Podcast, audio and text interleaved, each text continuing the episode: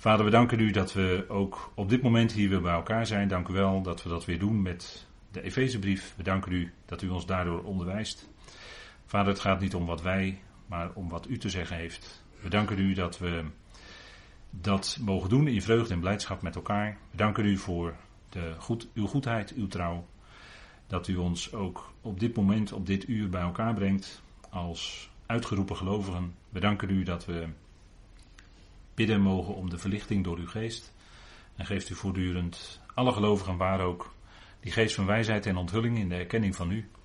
Opdat we de, aspecten van dat geweldige Efezegeheimenis mogen verstaan. We danken u dat u ons daartoe roept en de oren en het hart heeft geopend. mogen we ook vandaag dan luisteren met een geopend hart. U weet wat erin is, u leest het en u geeft ons vandaag ook voeding en koestering door dat woord van u. Vader, daar bidden u en daar danken u voor. We danken u voor uw trouw in alle opzichten. In de naam van uw geliefde Zoon, onze Heer Christus Jezus. Amen. Goed, we lezen met elkaar Efeze 1, de eerste versen. En ik lees met u tot en met vers 7 deze keer. En daar staat in de concordante tekst: Paulus, apostel van Christus Jezus, door de wil van God aan al de heiligen die ook gelovigen zijn in Christus Jezus. Genade voor jullie en vrede van God onze Vader en van de Heer Jezus Christus. Gezegend zij de God en Vader van onze Heer Jezus Christus, die ons zegent met iedere geestelijke zegen te midden van de hemelingen in Christus, zoals Hij ons uitkiest in Hem voor de nederwerping van de wereld, opdat wij heiligen en smettelozen voor Zijn aangezicht zijn. In liefde, ons tevoren bestemmend tot zoonschap, door Christus Jezus, voor zichzelf, in overeenstemming met het welbehagen van Zijn wil, tot lofprijs van de heerlijkheid van Zijn genade, die ons begenadigt in de geliefde. In Hem hebben wij de vrijkoping door Zijn bloed, de vergeving van de krenkingen in overeenstemming met de rijkdom van Zijn genade. Tot zover. En we zijn bezig uh, op dit moment in vers 3. In vers 3. En dan willen we vandaag stilstaan bij de laatste twee woorden die daar staan. Uh, in Christus. In Christus. Daar willen we vandaag naar kijken. Geestelijke zegen. Te midden van de hemelingen. Dat hebben we vorige keer met, vrij nadrukkelijk met elkaar besproken. Te midden van de hemelingen. En vandaag willen we dan stilstaan bij in Christus. Christus, dat is de gezalfde van God. En eigenlijk als we het hebben over Christus, dan is eigenlijk heel de schrift direct ons onderwerp. Want de hele schrift draait natuurlijk om Hem. Draait om God, draait om zijn Christus. En als je bijvoorbeeld, en u heeft me dat wel eens vaker horen zeggen, denk ik. Als je bijvoorbeeld de psalmen doorleest, dan lees je daar over de Messias, over de Christus. Christus Jezus. Jezus Christus, hoe je het ook zeggen wilt. De gezalfde. Het woord Messias, Christus, het, woord, het Hebreeuwse woord is Messias voor gezalfde, de Mashiach. En u ziet daar de gematria bij staan. Goed, dat geef ik dan als uh, kleinigheidje erbij. En Mashiach, dat heeft te maken met zalven. Eigenlijk uh, door het woord Messias te gebruiken. En in de Griekse schrift het woord Christus te gebruiken. Is in wezen de betekenis daarachter geraakt. En de betekenis is eigenlijk de gezalfde. Christus is het rechtstreeks overgezet uit het Grieks in de diverse talen van de wereld. Maar het woord betekent eigenlijk hij die gezalfd is, hè, de gezalfde van God, in Christus. Het heeft te maken met grie, dat betekent in en afgeleid dan van een woord, dat heeft te maken met invrijven met olie. En u ziet hier een olijftakje met allemaal olijfjes eraan. En daar werd dan ook in het Midden-Oosten en in Israël de olie uitgewonnen, hè, uit de gestoten olijven. Uit de gestoten olijven. En dat brengt al direct voor ons ook het lijden van de Messias. Want de Heer is natuurlijk gekomen als de gezalfde, maar hij is gekomen als mens op deze aarde. En in, vooral in de hoogste plaats omdat het Gods zending was. En omdat hij zou moeten sterven aan het kruis en weer opgewekt worden uit de dood. Dat was in feite de reden waarom hij mens werd. Om die hele schepping, om al die mensen te redden. Gestoten olijven. Dat wil zeggen dat de omhulling, dus de, laten we maar zeggen, de, de huid of het vel eromheen, dat moest open gestoten worden, zodat de olijf leed, opdat die olie daaruit zichtbaar kon worden. En daarom, daarom is het zo ook vol betekenis, dat onze Heer in de aanloop, in de onmiddellijke aanloop naar zijn kruisiging op Golgotha, in de olijfpersbak was. Gethsemane. De naam betekent olijfpersbak. Daar waar de olijven getreden werden, gestoten werden, om daaruit die kostbare olijfolie te krijgen, opdat die olijfolie zou kunnen voorzien in licht. En olijfolie is ook het hoofdingrediënt van de zalving waarmee profeten, priesters, koningen, maar daar komen we nog op, gezalfd werden. Dat spreekt dus van het, hè, dat, dat stoten, dat breken van die omhulling van die olijf, dat spreekt dus eigenlijk ten diepste van het lijden van de Messias, van de Heer Jezus Christus, die dat moest doen in opdracht van de Vader, opdat hij leven en licht en dus ook heerlijkheid zou brengen aan heel die mensheid, aan heel de schepping. Dat is de weg die God gaat in deze tijd, in de wereld, in zijn plan. Dat gaat door lijden heen naar heerlijkheid. En dat is wat ook Hebreeën 1 vers 9 schrijft, hè, als daar staat, u hebt gerechtigheid lief, wordt gezegd over de Messias. Hè. En haat ongerechtigheid, daarom heeft uw God, u gezalfd, o God, met vreugdeolie boven uw metgezellen. En die zalving gebeurde met een zalf die uitgegoten werd op het hoofd destijds van de priester. De priesters werden gezalfd in Israël. En die zalfolie, het hoofdingrediënt, dat zullen we dadelijk zien, is de olijfolie. En die had, die had heel wat functies, maar een van de belangrijkste functies van olijfolie, niet alleen eten bereiden, uiteraard eten bereiden, maar is in, zeker in het Midden-Oosten, in de tijd dat er nog geen elektriciteit, ja, toen was er wel elektriciteit, alleen wisten we het nog niet. Maar dat was, werd, laten we maar zo zeggen, dat werd nog niet toegepast in de praktijk. Dat had, dat had de mens uh, op dat moment niet, laat ik het zomaar voorzichtig zeggen, op dat moment had de mens dat niet.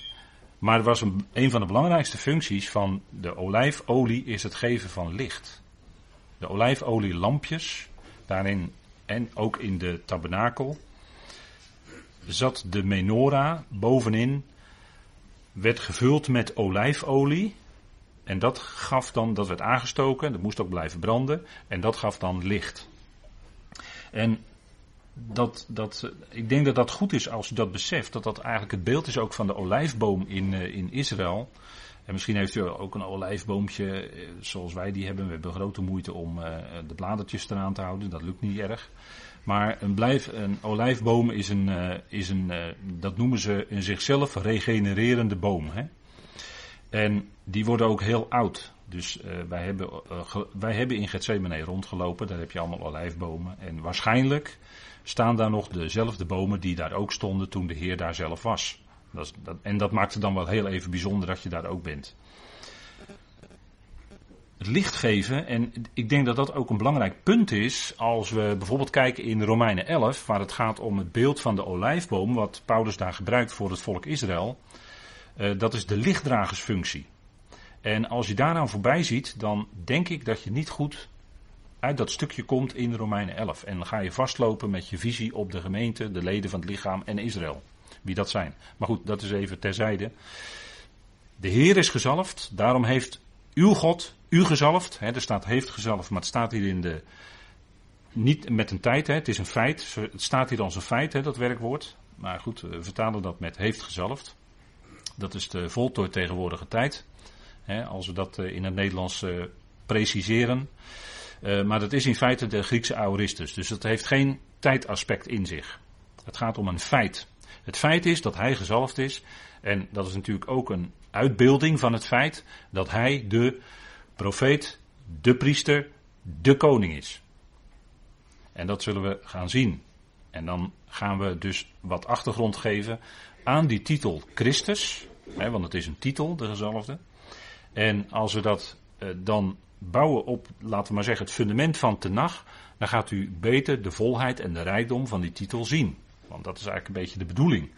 Dat we dat goed doorhebben wie de Christus van God is. Wie hij werkelijk is. Het draait allemaal om hem. Hè? En u ziet hier de ingrediënten, zoals die in Exodus 30 staan benoemd voor de heilige zalfolie. Het werd ook heilige zalfolie genoemd om mensen dus apart te zetten voor een bepaalde functie. En de ingrediënten waren vloeibare mirre.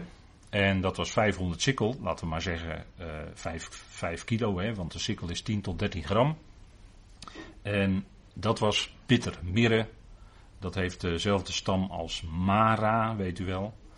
Naomi zei, noem mij niet Naomi, maar noem mij Mara, want ik ben bitter, ik heb verdriet, ik heb lijden, ik heb familieleden, heel nabije familieleden verloren. Dus ik ben in die zin bitter. Daarom zei ze, noem mij Mara. Dat is hetzelfde woord, hè. Vloeibare mirre. Geurige kaneel, 250 sikkel. Geurige kalmoes. En cassia. Allemaal waarschijnlijk zoete ingrediënten. Niet helemaal zeker. Dit soort dingen is altijd moeilijk in de schrift. Welke boom het precies is, welke vruchten het precies zijn. Dat is altijd aan discussie onderhevig, om het zo maar te zeggen. Maar goed, we... en het werd aangelengd, om het zo maar te zeggen, met olijfolie. 1 hin. En 1 hin is 6 liter. Dus we praten hier over 15 kilo wat aangelengd moest worden met 6 liter olijfolie. Dus dat wist nogal wat. Dat was dan de olie, de zalfolie die uitgegoten werd. En zo werden de priesters en de profeten gezalfd. De mirre, dat is uh, in het Latijn de camifora mirra. En dat is een beetje een stekelige, u ziet het hier, een stekelige, puntige uh, takken en uh, zitten eraan, struik. En u ziet daar ook 100 gram mirre. Dat is dan gedroogde, maar uit de mirre werd en dat is een, vorm van hars, om het zo maar te zeggen, die uit die, als je die boom kerft, dan komt daar vloeibare hars, mirre, komt daaruit. En dat werd dan gebruikt voor de, als ingrediënt voor de zalfolie. En ik denk dat dat uh, een punt is waar we nog later, ik, ik leg al even het verband met Mara, met bitterheid, komen we later op terug. Komen we later op terug. De kaneelplant, kaneel ook, wordt natuurlijk ook gebruikt bij het bereiden van voedsel. En daar waren vier verschillende soorten. En u ziet ze hier op een plaatje afgebeeld. Aan de ene kant de kaneelplant. En de vier verschillende soorten kaneel, verschillende kwaliteit. De cassia had je, de goedkope kaneel waarschijnlijk uit Indonesië. En dan de supermarktkwaliteit, dat is er wat ertussenin. En dan de topkwaliteit uit Ceylon of Sri Lanka. En dat is ook een van die ingrediënten. En u ziet dat ook dat niet uit het land zelf kwam. Het kwam niet uit Israël zelf, maar het kwam uit. Het moest ingevoerd worden van buitenaf. En hier zien we de kalmoes. En dat is ook, dat is ook moeilijk. Uh, dat valt waarschijnlijk in de familie. Maar dan moet u maar opzoeken op Wikipedia. Dat heb ik ook gedaan.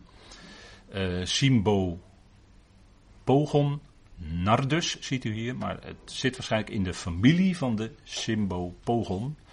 En ik weet niet of hier plantendeskundigen aanwezig zijn. Ik ben het in ieder geval niet. Dan zou ik veel meer Lisbeth het woord moeten geven.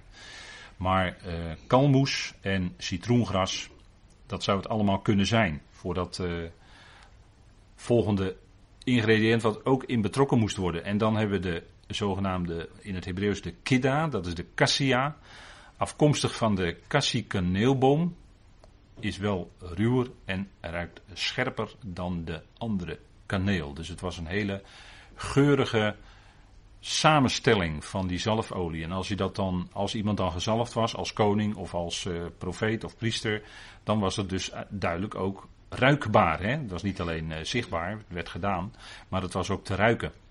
Het was een hele zoete een mengeling dus van een zoete, bitter, bitter en, en alles, al die ingrediënten, die moesten dus uit het buitenland in Israël ingevoerd worden.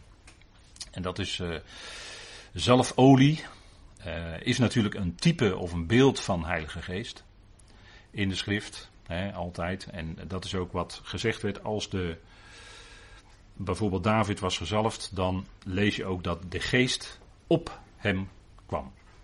Dus daar zit een verband in. De schrift maakt daar een verband in. Dat is een type. Hè, de olie, de olijfolie is een type van Heilige Geest. En Heilige Geest is ook hetgeen wat in ons hart werkt. Daar spreekt natuurlijk ook de Efezebrief over. Dat wij verzegeld zijn met Heilige Geest. En die geest die werkt in ons hart. Zodat ons hart verlicht wordt door de schrift. die twee werken natuurlijk altijd met elkaar samen.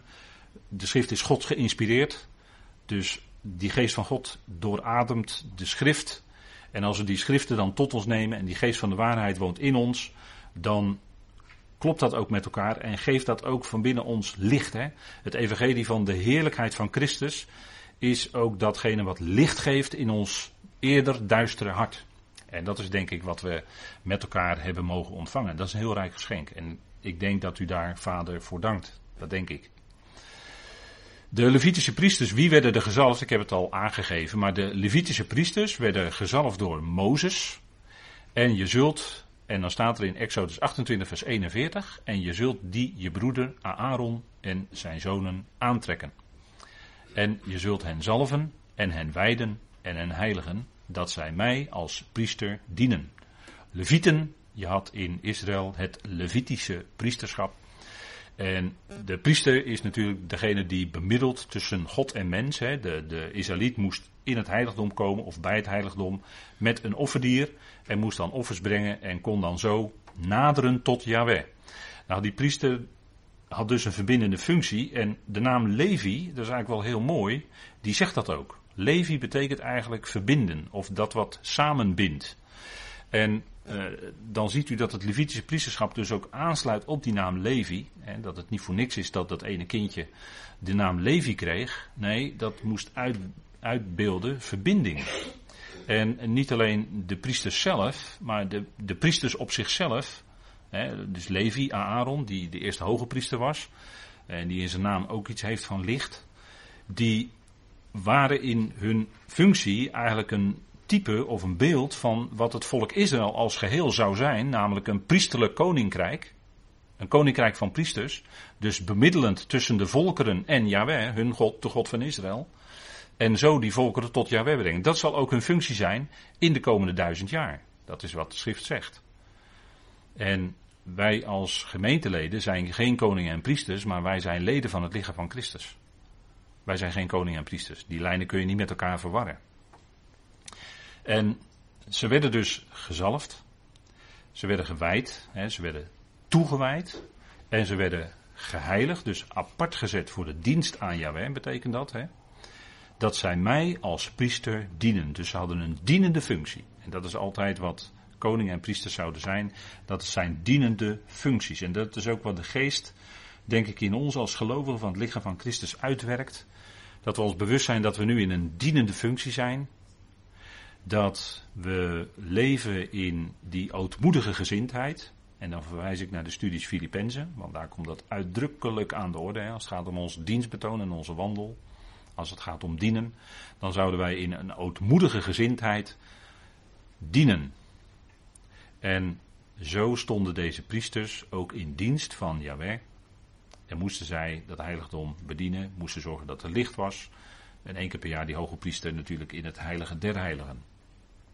En dat is toch een bijzondere dienst, maar dat deed Israël dus als dienst ook. Hè. Israël was bedoeld als een koninklijk priesterschap, werd al tegen ze gezegd in Exodus 19, bij het ontvangen van de Torah, dat zij zouden dat zijn. Dat, zij, dat in de praktijk heel wat anders liep, dat het volk als geheel meestal niet die priestelijke functie uitoefende tussen de volkeren en Yahweh, dat is wat anders. Maar ze waren wel zo bedoeld. En zonder het zelf te weten was het volk ook instrument, een priesterlijk instrument, om de gezalfde, met een hoofdletter, de Heer Jezus Christus, te offeren als het grote offer wat op Golgotha gebracht werd. Hij werd tot zonde gemaakt. En dan mag je ook lezen volgens de schrift. Hij werd tot zondoffer gemaakt.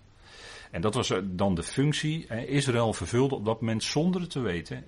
In hun roepen kruisigt hem vervulden zij toch zonder het zelf te weten, zonder het zelf te beseffen in hun haat en afstand en noem maar op, hun priesterlijke functie door hun Messias ter dood te brengen En dat was ten diepste toch Gods plan. Want was het Petrus niet die zei op de Pinksterdag dat dat was naar de bepaalde raad en voorkennis van God. De bepaalde raad en voorkennis van God. Daar had het mee te maken. God vervoert zijn plan. En dat doet hij altijd. Ook in deze tijd waarin God zwijgt, tussen aanhalingstekens, voor de wereld. Die zegt misschien wel spottend, we horen nooit wat van hem. En wij zeggen juist, we horen heel veel van hem. Maar dat is als God je oor geopend heeft en je hoort dat woord van de waarheid. En God geeft daarin geloof.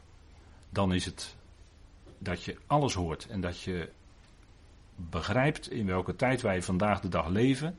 Dat het ook deze tijd, die past helemaal in Gods plan. Zoals deze wereld er nu uitziet. En wij zeggen van misschien als mens oppervlakkig, er gaat van alles mis. Ja, maar het is maar net van welke kant je het bekijkt. Bekijk je het van bovenaf, hè, leer je dat om, om een beetje vanuit God te zien, dan gaat alles eigenlijk goed in deze tijd. En dan zegt u, het kwade neemt toe. Hè. In Daniel uh, wordt, wordt daar gezegd hè, dat in de eindtijd, dan, daar is helaas die vertaling, daar, daar is uh, waarschijnlijk een kleine verschrijving geweest in het Hebreeuws, door de overschrijvers, door de Soferim.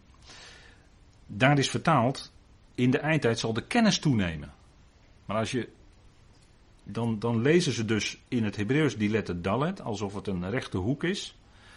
Maar dat zit je heel dicht bij de letter resh. En daar is die hoek is niet recht, maar dan is het rond. Dat is de letter resh. En als je dat leest, dan lees je heel iets anders. Dan lees je dat in de eindtijd zal het kwaad toenemen. En is dat niet juist wat wij zien? Dat de mens eh, de, de, de toegenomen kennis, maar het is nog maar de vraag of wij op een hoger kennisniveau zitten nu dan ooit in een ver verleden de mensheid al heeft gezeten. Dat is nog maar de vraag, dat weten wij niet. Wij weten heel veel dingen niet. Wij menen wel veel te weten door de zogenaamde wetenschap. Maar dat valt nog te bezien, of wij wel zoveel weten. Dat valt nog te bezien. Het punt is dat de, de toegenomen kennis in deze tijd, zeker, technologische kennis is enorm toegenomen, zeker. Maar is het niet zo dat die kennis uh, vaak toch, er zitten natuurlijk heel veel goede aspecten aan, maar is dat ook die kennis niet ook ten kwade wordt gebruikt? En het kwade neemt toe in deze tijd.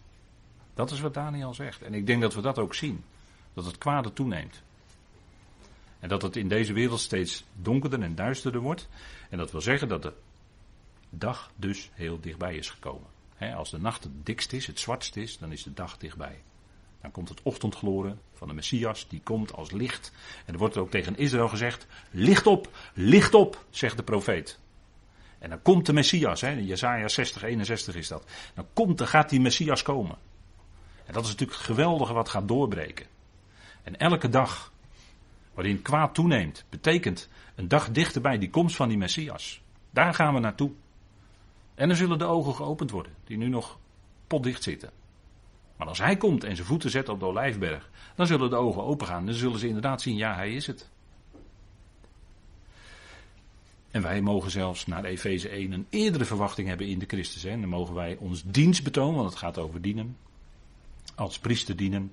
Maar wij, ons dienstbetoon, is dan te midden van de hemelsen. Boven. Niet hier op aarde. Dat is aan Israël toebedeeld. Zo heeft God het in zijn plan ingericht. En dat is ook wat. Uh, je in de schrift tegenkomt, is dat profeten, priesters en koningen gezalfd werden. En dat is tot een bepaalde functie. Hè? De profeet, daar lees je niet zo vaak over dat hij gezalfd werd. Maar het was geen voorwaarde of garantie dat de geest op hen was of bleef. Ze werden wel gezalfd en zalven is een zalven met die olijfolie is een uitbeelding van, hè, die olijfolie is een uitbeelding van de Heilige Geest, dat is waar. Maar dat wil nog niet zeggen, en dat, dit is toch wel een punt hoor. Dat wil nog niet zeggen dat als een, iemand gezalfd was, dat hij dan dus altijd de geest op zich had. Want bij gelegenheid kwam de geest ook op mensen die nooit gezalfd waren. Dus dat wil niet zeggen dat het altijd één op één zo is. En denkt u maar bijvoorbeeld aan koning Saul. Koning Saul die was gezalfd tot, tot het koningschap. Kunnen we lezen in Samuel. Gaan we ook lezen in Samuel. Maar op een gegeven moment staat er ook dat de geest week van koning Saul. ondanks dat hij gezalfd was. Maar de geest week, trok zich terug. En zelfs, zelfs, werd er, en dat was door uitdrukkelijke toedoen van Yahweh zelf, werd er een boze geest van Yahweh, zo staat het er, een boze geest van Yahweh, dat kunnen we bijna niet geloven, hè, maar zo staat het er echt, werd richting koning Saul gestuurd, om die koning te verschrikken. En David, David was ook gezalfd, maar de geest kwam op David en bleef ook op David. Dus eh, het wil niet altijd zeggen dat als iemand gezalfd is, dat hij dan dus de geest op zich heeft en dat hij altijd blijft. Dat is niet zo. Het was geen voorwaarde of garantie dat die geest op hem was of bleef. Bij de koningen lezen we bijvoorbeeld van koning Saul dat Samuel die moest hem gaan zalven. En dan staat er in 1 Samuel 9 vers 16, morgen omstreeks deze tijd zal ik een man uit het land van Benjamin naar je toesturen. Die moet jij tot vorst zalven over mijn volk Israël. Hij zal mijn volk verlossen uit de hand van de Filistijnen. Want ik heb gezien de vernedering van mijn volk, omdat hun geschreeuw om hulp tot mij gekomen is. En in een andere vertaling staat er: Ik heb omgezien naar mijn volk, maar ik heb hier de concordante vertaling gevolgd, die een stukje Septuagint meeneemt. En daar is het woord de vernedering van toegevoegd. Vernedering van. En de Heer zag om naar zijn volk. De Heer laat geen bidder staan. Het volk schreeuwde om hulp. Ze waren in nood. En de Heer zag om naar zijn volk. Het is zijn volk. En hij heeft dat volk lief. En als het volk dan naar hem roept om hulp, het volk is in nood, dan is hij daar ook. En dat is altijd wat we ook als, als mensen mogen beseffen. Dat in ons leven zijn er betere periodes en zijn er mindere periodes. Zijn er periodes waarin wij dan zeggen het gaat voor de wind. En uh, er zijn periodes, dan is de wind precies de andere kant op. En dan is het moeilijk. En het bekende gezegd is natuurlijk nood leert bidden. Maar ik denk dat dat ook zo is. Ik denk dat dat heel bewust zo is dat de Heer regelmatig moeilijkheden op onze weg brengt. En we zijn allemaal mensen die stervend zijn. Dus we krijgen op een gegeven moment te maken met lichamelijke ongemakken lichamelijk lijden, wat heel moeilijk is. En je kunt ook psychisch lijden en geestelijk lijden. Maar de Heer laat geen bidden staan. Hè? Als je tot Hem roept, dat wil niet zeggen dat Hij jouw situatie gaat veranderen. Of dat Hij ineens het lijden in jouw leven opheft. Dat niet. Maar Hij is wel nabij. Hij is wel degene die jou ondersteunt en bemoedigt en versterkt en van binnen bekracht, kracht geeft. Om onder de gegeven situatie te kunnen blijven staan. Dat is wat de Heer doet. Dat deed hij ook in het leven van, van Paulus. Het bekende voorbeeld van die doorn in zijn vlees. Een bode van de tegenstander die hem met vuisten sloeg.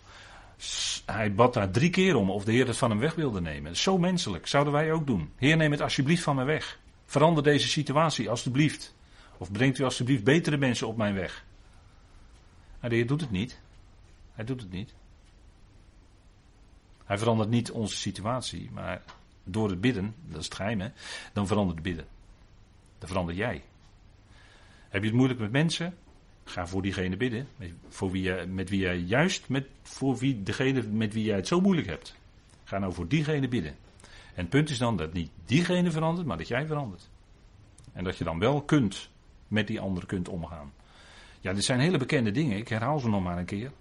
Maar ik denk dat het toch heel wezenlijk is voor onze praktijk van ons geloven. Hè? Je zou zo graag willen dat, weet u wel, dat kent u ook wel, hè? En vult u het dan maar in. Ik zet even een stippenlijntje dan. Vult u het maar in. En dan is het wachten op de tijd van de Heer. Dat is soms zo moeilijk. En je wilt graag, Heer, wilt u nou in dit leven dat doen? Heer, wilt u nou in dat leven dat doen? En heb je dan niet door dat jij de Heer aan het voorschrijven bent wat hij moet doen? Heb je dat dan niet door als je dat bidt? Nee, dat heb je dan niet door. En ik denk dat dat bidden bij ons langzamerhand in evenwicht komt als je groeit in geloof met danken. Heer, u weet dat ik het er moeilijk mee heb. U kent mijn hart. En ik heb die ander lief en ik zou zo graag willen dat die ander. Maar Heer, ik dank u dat u het juiste zal doen op uw tijd. En dan is het ook goed. En dan kun je het loslaten. Want dan is het niet meer zo die witte knokkels, maar dan kun je het loslaten zo dan is je, gaat je hand open. Heer, doet u het maar. En op het moment dat je het loslaat, Dat zij de. En, en ik werd daar. Eh, tijd geleden herinner ik me dat, dat ik, dat ik daardoor aangesproken werd. Dat was in het uh, overlijdensbericht van de, de uh, Sigrid Nog, de, de, de, vrouw van broeder Nog, die hem heel veel geholpen heeft. Um, die had een lied gemaakt en daar zat onder andere de frase in: Als je accepteert dat het zo is, dan heb je daardoor vrede. En ze bedoelde natuurlijk, als je vanuit God accepteert dat zoiets zo is, dan ontdek je dat je daarin vrede hebt. Vrede, niet alleen met God, maar vrede van God in die situatie. En dat vond ik, eh, dat sprak me op dat moment enorm aan. Dat is jaren geleden. Dat is me altijd heel goed bijgebleven. Ze zei in het Engels: In acceptance lieth peace. Nou, zo is het ook, hè. En dit is het geschreeuw van het volk, het gebed van het volk. En misschien baten ze niet eens bewust, maar schreeuwden ze alleen in hun nood. En de Heer zag naar hen om. De Heer ziet om naar zijn volk. Israël, natuurlijk. Het is zijn volk, het is zijn oogappel. De Heer ziet om naar u, jou en mij. Wij die leden zijn van het lichaam van Christus. En, en als je dat zo zou willen zeggen, nog dichter bij het hart van God, zou ik bijna willen zeggen. Want zijn geliefde zoon is aan zijn hart. En wij zijn heel nauw verbonden met die geliefde zoon van God. Heel nauw dus aan Gods hart gebracht. God is de plaatser. Hij is de onderschikker. En hij is bezig ook in uw en mijn persoonlijk leven ons te onderschikken aan de weg die hij gaat. En dat je dan bij tijd en gelegenheid ouw roept als mens. Ja, ook als gelovige, ja, ja, inderdaad. Die doorn in het vlees, dat prikte bij Paulus, hè? Dat, deed, dat deed pijn. En toch zei de Heer tegen hem, Paulus, en vult u dan uw eigen naam maar in, mijn genade is je genoeg. En dat is niet weinig, want zijn genade is juist heel veel. Hè? Daarnet sloot ik het stukje af wat ik las in vers 7 met de rijkdom van zijn genade. Nou, dat is heel veel. Dat is een, uh, ja, dat is niet, niet alleen overstromende genade, maar dat is de overstijgende rijkdom van zijn genade. Dat lezen we in de Efezebrief. En die genade is voor ons toch genoeg. Is genoeg. En als je dat hoort, dan word je daar weer blij van. Dat zijn geweldige dingen. Kijk, een uh, overeenkomst, en ik denk misschien toch goed om dat eens even door te geven. En soms heb ik het even tussendoor wel eens, denk ik, opgemerkt. Maar kijk, Saulus, koning Saul, was natuurlijk ook een uitbeelding van iets. Het is niet alleen een geschiedenis waar je heel veel uit kan leren, want al wat geschreven is, is ons tot lering, tot onderricht, tot opvoeding in de rechtvaardigheid enzovoort geschreven. Zeker, zeker. Het is Gods woord, het is de schrift, dus daar hebben we diep eerbied en respect voor, alles wat geschreven staat. Maar het leven van koning Saul is uh, dat wat je zou kunnen zeggen is een parallel eigenlijk, of daarin kun je zien een, een uitbeelding van de heerschappij van de wet. Als die mens zelf probeert onder de wet te staan en probeert die wet te houden zoals Israël dat deed, en in de praktijk ging het hopeloos mis. Dat kwam omdat men vanuit het eigen vlees wilde proberen dat. Vanuit zichzelf proberen gerechtigheid te bewerken. En het punt is dat, dat wat de schrift zegt, en dat lees je bijvoorbeeld ook in de, in de psalmen, hè, bijvoorbeeld in een psalm 5 bijvoorbeeld, hè, ik noem maar wat. Er staat in dat niemand, niemand, niemand is die het goede doet. Iedereen wijkt af. Zegt Paulus toch ook in Romeinen 3. Niemand, er is niemand rechtvaardig. Er is niemand die goed doet vanuit zichzelf. Er is niemand die. Nee. Nee. Die, in die hopeloze situatie heeft God ingegrepen, om het zo maar te zeggen. En heeft zijn zoon gegeven. Dat veranderde alles. Maar daarvoor was Israël onder de heerschappij van de wet. En het koningschap van Saul was in feite een uitbeelding daarvan. En kijk eens naar parallellen tussen koning Saul en Saulus van Tarsus in zijn zijn voordat hij de Heer ontmoette of voordat de Heer hem ontmoette op weg naar Damascus. Saul, de naam is al overeenkomstig hè. Want de Heer sprak hem aan in de Hebreeuwse taal, zegt hij later in handelingen. En dan zegt de Heer twee keer, Shaul, Shaul, waarom vervolg je mij? En dan sprak hij hem dus aan met die naam Shaul. Hè. En betekent gevraagd. Er zit ook een overeenstemming in met de Sheol, weet u wel, wat altijd vertaald wordt met dodenrijk, maar je kunt beter vertalen onwaarneembaar. Die naam komt al heel sterk overeen. Beide uit de stam Benjamin. Dan praten we dus over naar het vlees. Hè? Beide hadden ze een behoorlijke statuur bij de mensen. Hè. Koning Saul, dat was de gevraagde koning. Die was groot, die was fors.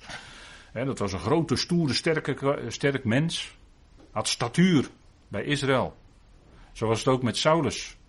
Die was verder gevorderd dan de anderen in het Jodendom. Hij was een van, een van de meest fanatieke secten, de Fariseeën, was hij zo'n zo beetje de fanatiekste. En daarin had hij dus ook een zekere statuur verworven. En kreeg hij zelfs brieven van de hoge priester om mensen te vervolgen. Buiten het land. En de reden, de reden dat koning Saul zijn koningschap kwijtraakte, dat zei Samuel op een gegeven moment tegen hem. Hè, want altijd is daar die profeet die dan komt. En die spreekt dat woord van God. En er werd tegen koning Saul gezegd: Saul, omdat je mijn woord hebt verworpen, omdat je het woord van Yahweh hebt verworpen, daarom zul je je koningschap kwijtraken. Dus dat ligt wel scherp, hè? Je bent de gezalfde van God. Maar als je het woord verwerpt, als je het woord van Yahweh verwerpt, dan is het ernst, dan is het volle ernst. Je kunt niet zomaar Gods woord verwerpen. Dat kun je niet zomaar doen. Dat is zijn woord. Daar kun je niet zomaar aan zitten. Dat is net als met Israël. Het is Gods volk. En je kunt niet zomaar aan die oogappel zitten. Dat, dat, dat, dat gaat een keer consequenties opleveren. En, en dat is ook met het woord. Hè. In, in de westerse wereld kun je zeggen, hè, wat altijd christelijke landen waren. Maar goed, uh, u ziet nadrukkelijk dat ik zo doe. Christelijke landen, die hadden dan het bezit van Gods woord. Dat is ook het beeld van die olijfboom uit Romein 11. Hè. Maar die hebben Gods woord losgelaten. Die hebben Gods woord losgelaten. Gods woord is niet meer Gods woord. Nee, ze hebben het gemaakt tot een mensenboek die uit hun ervaringen met God geschreven hebben over God. Dus het is een mensenboek over God. Dat is precies andersom, dat is wat de tegenstander wilde. En de consequentie is, wat, wat zien we nu? Het wordt duister, het wordt donker in de westerse wereld. Het wordt heel erg donker. Ik zou bijna willen zeggen, ik wil niet te zwartgallig zijn, maar het is nacht. Het is nacht. En dat is wat aan de hand is. En, want men verlaat Gods woord. Ja, dat, is, dat, is, dat kun je niet zomaar doen. Dan, dan ontstaat er een, eh, laten we maar zeggen, een geestelijk vacuüm. En dat vacuüm moet opgevuld worden. En dat wordt opgevuld met vijandige geestelijke machten. Dat is, dat is wat we in deze tijd zien. Heel sterk. We gaan verder met de vergelijking. Want in, in feite was Saulus in zijn leven onder de wet, was hij meer bezig te ijveren voor de tradities van de mensen, dan dat hij bezig was te ijveren voor Gods woord. Hoewel, natuurlijk, Tenach en de Talmud enzovoort, daar was hij druk mee bezig. En hij vervolgde David, koning Saul vervolgde David, en Saulus vervolgde de mensen die van de weg waren. Dat is ook een overeenkomst, hè? En is het niet zo dat Paulus in, in zijn gelaten brief het principe heeft aangegeven dat degenen die onder de wet zijn, of degenen die in slavernij zijn, gelaten 3, 4 denk ik dan aan, degenen die in slavernij zijn, Hagar, Sarah, die vervolgen degenen die in vrijheid zijn. Dus degenen die onder de wet zijn, die vervolgen degenen die onder de genade zijn. En het leven van koning Saul eindigde heel treurig. Hij kwam terecht bij die vrouw bij, in Endor, weet u wel. Die, laten we maar zeggen, waar, die waarzegster in Endor. Laten we het zo maar noemen. Maar dat eindigde in de dood. Heel triest. En het leven van Saulus als Saulus zijnde, ja, dat eindigde in zekere zin ook in de dood. Niet letterlijk, maar hij was zich later wel heel goed bewust, toen hij die uitleg van de Heer had ontvangen, wat de consequenties waren van de kruisiging van onze Heer. Dat niet alleen hij met een hoofdletter, maar ook al die mensen, die hele mensheid, tezamen met Christus meegekruisigd is. Dood van de oude mens. Dat is een consequentie van.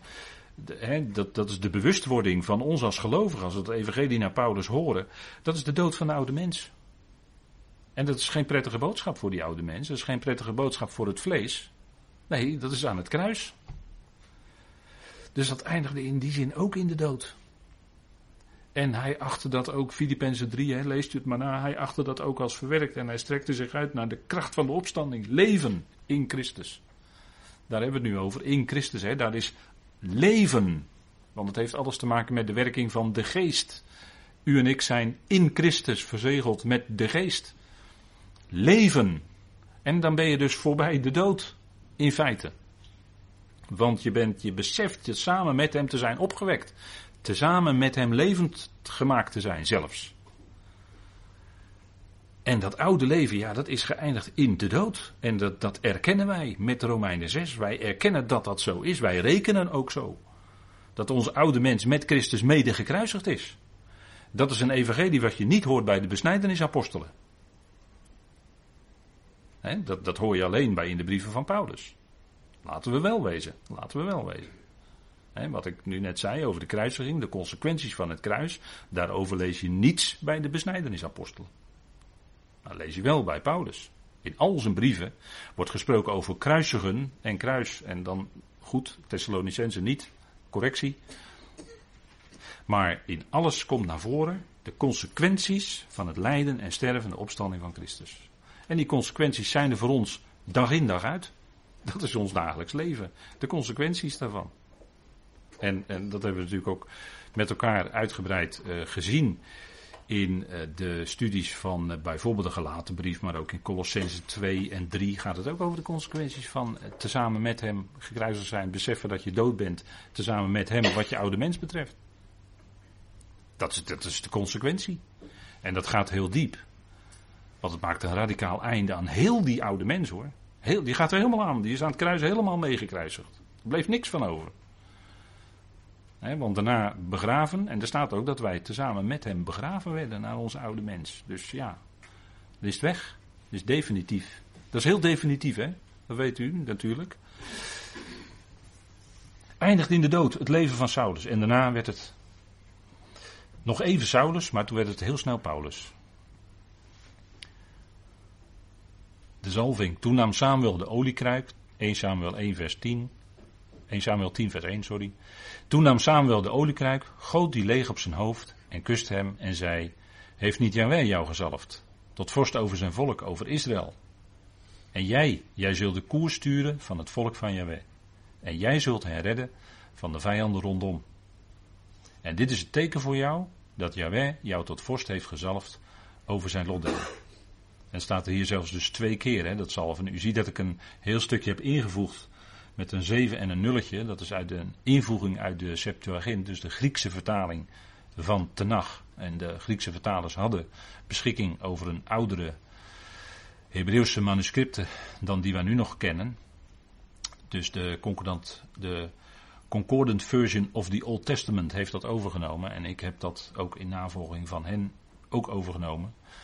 Omdat waarschijnlijk dit een eh, verspringing is geweest van de overschrijver. En die, eh, die niet heeft gemerkt dat hij doorschreef terwijl, die, terwijl er nog een stukje tussen stond. Want het wordt twee keer gezegd, ja wij heeft jou gezalfd tot vorst over zijn volk. En dat wordt opnieuw gezegd dat Yahweh jou tot vorst heeft gezalfd over zijn lotdeel. Dus daar heeft vermoedelijk de sofer, dus de schrijver, die heeft daar een vergissing gemaakt. Dus daarom ingevoegd. Staat niet in uw vertaling. En ik denk dat is toch goed om te noemen. Hier wordt het twee keer gezegd, gezalfd over zijn lotdeel. Hè, over zijn lotdeel. En als je. Uh, dit is natuurlijk uh, koning Sal die gezalfd wordt. Maar in feite was iedere koning die gezalfd werd over Israël een type van de Messias, de Messias, de koning die later zou komen, de gezalfde. En als je met die ogen deze woorden leest, dan kijk je als het ware even door de tekst heen. En dan zie je eigenlijk, dit gaat in feite over wat de Messias Jezus later in volheid zal zijn. Hij is gezalfd. En zeker tot vorst over zijn volk Israël. En hij zal de koers sturen van het volk van Yahweh in de komende eonen. Dat zal hij doen. En jij zult hen redden van de vijanden rondom. Dat is wat de Heer gaat doen. Die zal zijn volk redden als hij zijn voeten zet op de Olijfberg. Van de vijanden rondom. Dat is wat de Heer. Saul deed het niet, maar dat is wat de Heer wel deed.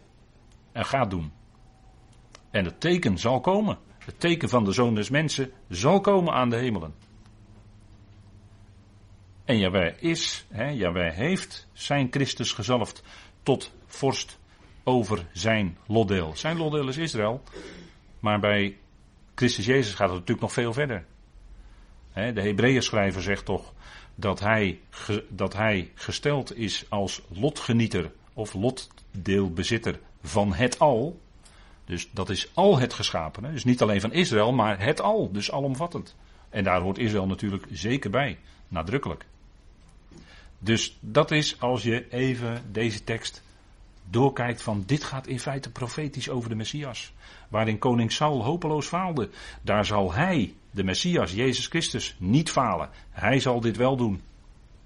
En dat is het geweldige, hè, dat ja, we spreken over de Heer. We spreken in feite als het gaat over de gezalfde, dan spreken we in feite over de Heer Jezus Christus. En het gaat om Hem, het draait om Hem.